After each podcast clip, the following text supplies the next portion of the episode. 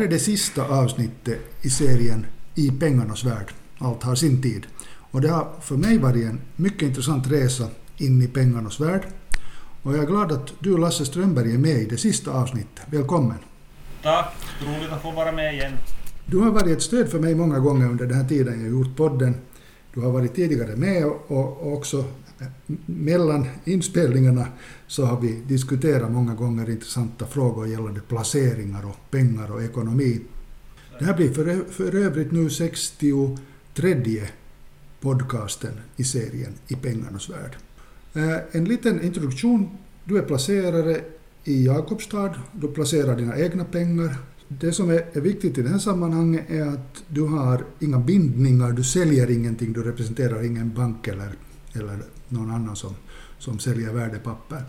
Och vi ska tala om samma saker som tidigare, men nu i ett lite nytt sammanhang. Då menar jag förstås att kriget härjar i Europa, priserna går upp, bensinpriser, elpriser, matpriser, räntorna går upp. Världen känns lite osäker. Hur har du som placerare, privatplacerare, reagerat?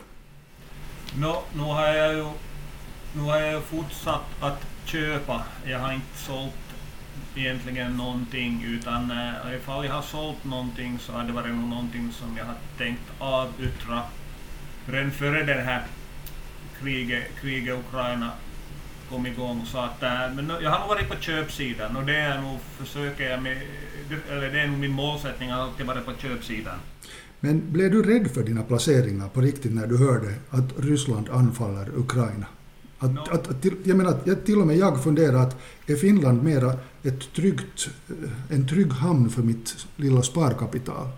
Ja, nu reflekterar man ju, gick ju tankegångarna på, på samma sätt som, som dina nu, det måste jag medge. Och att äh, man tänker förstås, jag äger fortfarande aktier i Nokia Renkat, så det här äh, så där fick man ju ta sig en funderare, men inte har jag gjort någonting där heller. heller. Jag har nog sitter nog kvar i båten med mina Nokia Renkat-aktier. Men visst, visst har man reflekterat över det här och det har ju varit vissa det förekommer vissa podcaster också där eh, man har faktiskt diskuterat det här att på vilka servrar ligger ens värdepapper ifall det skulle hända någonting vid, vid vår östgräns. Så det har nog, det har nog liksom ventilerats.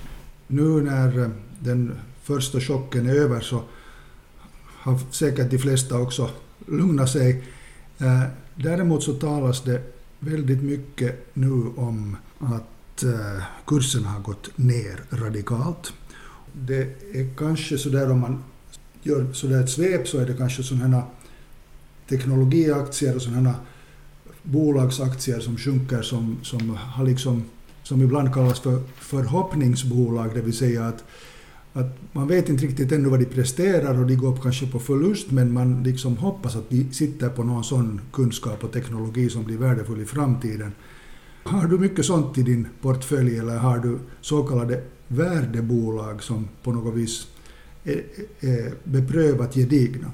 Nu har jag ju något, något sån här min, mindre, något litet innehav har jag ju så kallade förhoppningsbolag men det är nog, ja, det är nog, det är nog mindre än en procent säkert av, av det kapital jag har placerat i börsen. Så det är nog ingenting att, att, liksom att bekymra sig över. Men jag är nog mer en sån här som placerar traditionella, traditionella, traditionella värdebolag som har liksom en, som har en intäkt, som har en vinst, som har en produkt och som har liksom, ska vi säga, en förmåga att producera kassaflöden över tid, oberoende då om det är farsoter eller krig eller finanskris eller vad det kan vara. Så jag är nog mera, jag är nog, och så är man förstås, det har med åldern också att göra. Att desto äldre man blir så kanske kan vara, eller om jag pratar, jag pratar ju egen bok här på det viset, desto äldre man blir så behöver man kanske också vara lite mera konservativ i sitt, i sitt liksom placerande eller allokering av kapital eller val av bolagen om man är, om man är 19 år. Då har man ju ändå då har man ju ändå 60 år framför sig på börsen om man, man vill vara aktiv.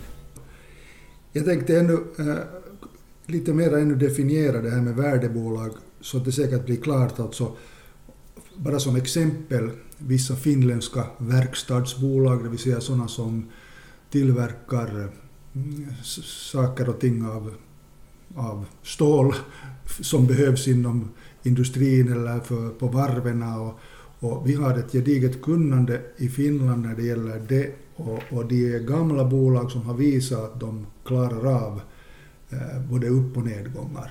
Ja. Absolut, och det är förstås det att bara för att grannen anser att, att ett bolag är värt 10 euro och sen sex månader senare så anser grannen att det är värt 2 euro, det där bolaget, så, eller aktien ska kosta 2 euro eller 10 euro. Det har ju ingenting med saken att göra ifall verksamhetsförutsättningarna inte har ändrats för bolaget och ingenting har hänt med bolaget. De, de jobbar på som tidigare, så då, då, då öppnar det sig förstås köptillfällen om man anser att det här bolaget är någonting man vill äga.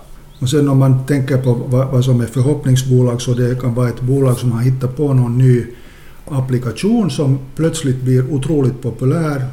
Som nu till exempel, jag vet inte vad jag ska nämna, Zoom eller något sånt som, som plötsligt används av alla men man vet ju inte förstås att, att hur lönsam affär är det egentligen för att det är så nytt det där bolaget och så vet man inte om det kommer någon ny teknologi som ersätter den. Det är det, som det, det, är det bolaget man hör om förstås de som har lyckats, alltså om vi tar Netflix eller Amazon eller någonting sånt, de har ju också gått ner 90 procent någon gång i tiderna och kostar 69 dollar eller någonting sånt. Att det, är, det är ju bara det att man måste, så det, inte, det är ju fel, fel på det viset att liksom äga de här förhoppningsbolagen, men man skulle ju då måste veta, ha lite koll på vilken sorts, vilket sorts bolag man äger. Nu när det har talats mycket om att kurserna rasar och jag vet att det finns en hel massa nya placerare på, på marknaden så att säga. Vi har i Finland en, ett stort intresse för placerande också bland unga människor som inte har varit med förut. Så började jag sen fundera att vilket är det här perspektivet man egentligen ska ha? Att nu när det talas om att kurserna har rasat så talar man om kurserna från och med årsskiftet. Varför är det så viktigt att jämföra med årsskiftet? Varför kan man inte jämföra med eh, mars 2017 eh, eller vad som helst. Liksom. Jag menar, titta några år bakåt, eller, eller varför inte jämföra med med, med det datum då du köpte den här aktien. Om du köpte aktien på 2007 eller 2013, det är ju det som kanske borde vara lite mer intressant än årsskiftet. Absolut. Det är det bara det att när då, om, jag, om du, och jag, du och jag har köpt aktier, säger vi då 2012 eller någonting, det har inget underhållningsvärde. Att man måste komma ihåg att, att när finansmedia eller, eller media överlag basunerar ut sina nyheter så är det ju för att liksom skapa rädsla eller girighet eller spänning eller vad det kan vara. För de, de är, deras uppgift är ju inte att guida oss genom en, en, en finanskris eller en börskrasch. Deras primära uppgift är att sälja annonser.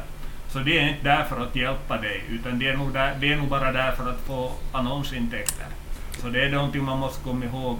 Dock icke föraktat måste man det måste man förstås, det kan man inte heller sticka under stol med att visst finns det alltid guldkorn också genom att lyssna, läsa finanspress eller lyssna på podcaster, men man måste komma ihåg att där är, där liksom fix, alla har en, liksom ett eget intresse där. Det är bra att du säger att man ska nog vara mediakritisk när det gäller precis all slags nyhetsförmedling och, och jag som journalist måste ju medge att visst är det mer spännande att tala till exempel om en börskrasch och berätta hur, hur någon viss aktie har, har störtat fullständigt än att eh, gång på gång eh, berätta om hur mm, läget är egentligen precis som förut. Mm, ja, det har inget nyhetsvärde. Liksom. Och fast jag har hållit på länge med det här så nu, nu kämpar jag ju själv med det här också, men det är liksom helt mänskligt. Att det, det så funkar det, men man måste, som bara, man måste liksom helst skulle man behöva stänga av allting, liksom alla podcastar och inte läsa de här tidningarna och följa den här killen på Youtube eller damen på Youtube. Att, att om du ska vara på börsen ännu 30 år framåt, så det är helt, helt irrelevant vad som hände igår eller vad som händer kanske imorgon ifall någon eh, centralbank höjer räntan eller sänker räntan eller någonting. Det är, som helt, det, har, det, det är helt normalt. Men det är det som liksom, men det är ju inte heller något intressant. Det har ju heller inget nyhetsvärde att Lasse ska vara på börsen om 30 år. Han bryr sig inte. Det, det är intressant att se hur, hur man, jag följer ju med olika grupper också, till exempel på Facebook, som placeringsgrupper, hur många människor nu talar om hur de säljer för att kunna köpa igen sen när, när kurserna är billigare och sen igen dra nytta av en börsuppgång och sen igen sälja. Trots att det är så många gånger redan bevisat i, inom finanslitteraturen, inom forskningen och, och också av erfarenhet kan man säga att det funkar inte så. Det går inte att tajma sitt eget köpande och säljande så att man säljer när det är dyrt och köper när det är billigt. Skulle man nog lyckas någon gång så är det ju, är det ju, bara, det är ju bara ren och skär tur. Det är, Ja. inget, liksom, det, är inget, det är ingenting annat. Lika bra kan du liksom ha, ha liksom full rätt på Lotto. Och det där är ju som, det där, det där är som så viktigt. Jag tror det var om det var Svenne Holmström som sa, en, kanske in, in, när han var med, kanske med dig eller någon annanstans, att han sa att, att vi, måste, liksom det som, vi måste ihåg att vi ska vara aktieägare och inte aktiesäljare. För att genom, genom att sälja på botten så förstör vi ju bara vårt kapital. Du ska ju tänka att du är aktieägare, att du ska få din inkomst genom att vara aktieägare, eller din avkastning genom att vara aktieägare, inte att du säljer. No, om vi avslutar nu ändå med att diskutera risker. Alltså, vi har trots allt ett krig i Europa som nu ingen hade räknat med. Eh, är riskerna just nu, tycker du som placerare, alltså, är, de, är, de, är de större än, än, än någon gång tidigare? Inflation, stagflation, aktiekurserna sjunker. Ska, om man idag ska bli aktieplacerare, är, är det värre än för tio år sedan? Det, det anser jag inte att det är. Det är samma, vi kan bara gå bara tillbaka till mars 2020. Ingen visste hur det här covid-19 skulle spela ut, den här pandemin. Det är jättesvårt att ha ett helikopterseende när du står där mitt i stormens öga som vi gör här nu. Och då blir det just det här, liksom det här capital hinds, hindsight, liksom eftertanke, liksom att should have, would have, could have.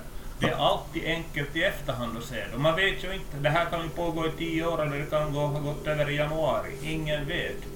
Men det, det är därför det är liksom regelbundet och månadssparande är liksom borde vara något som borde funka över tid för alla. Timingen är inte varken bättre eller sämre. Man måste helt enkelt bara liksom vara med och liksom att man måste vara helt enkelt känslokall när det gäller liksom det här sitt placerande. Det, det, är liksom, eller ägande av värdepapper, om det är fonder eller aktier eller vad det kan vara. Man måste enkelt vara bara känslokall. Det är nog bara att bita det sura äpplet och vara liksom systematisk. Och ha ett långt perspektiv. Absolut.